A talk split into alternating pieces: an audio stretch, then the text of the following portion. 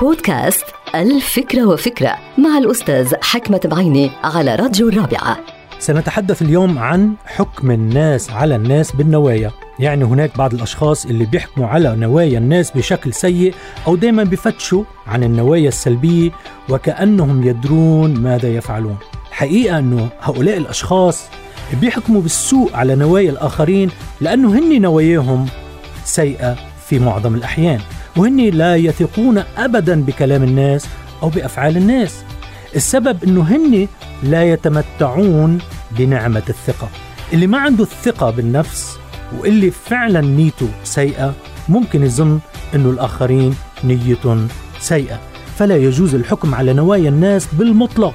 حقيقة لا أحد يستطيع أن يدعي معرفة ما تضمر قلوب الآخرين من نوايا.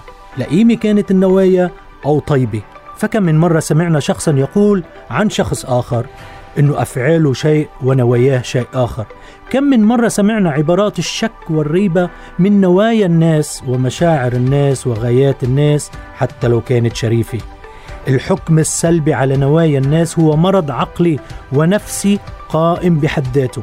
فلو شك كل إنسان بنوايا كل إنسان آخر لفرط العقد الاجتماعي بين الناس وانتشر الشر بين الأفراد والجماعات والدول أيضا.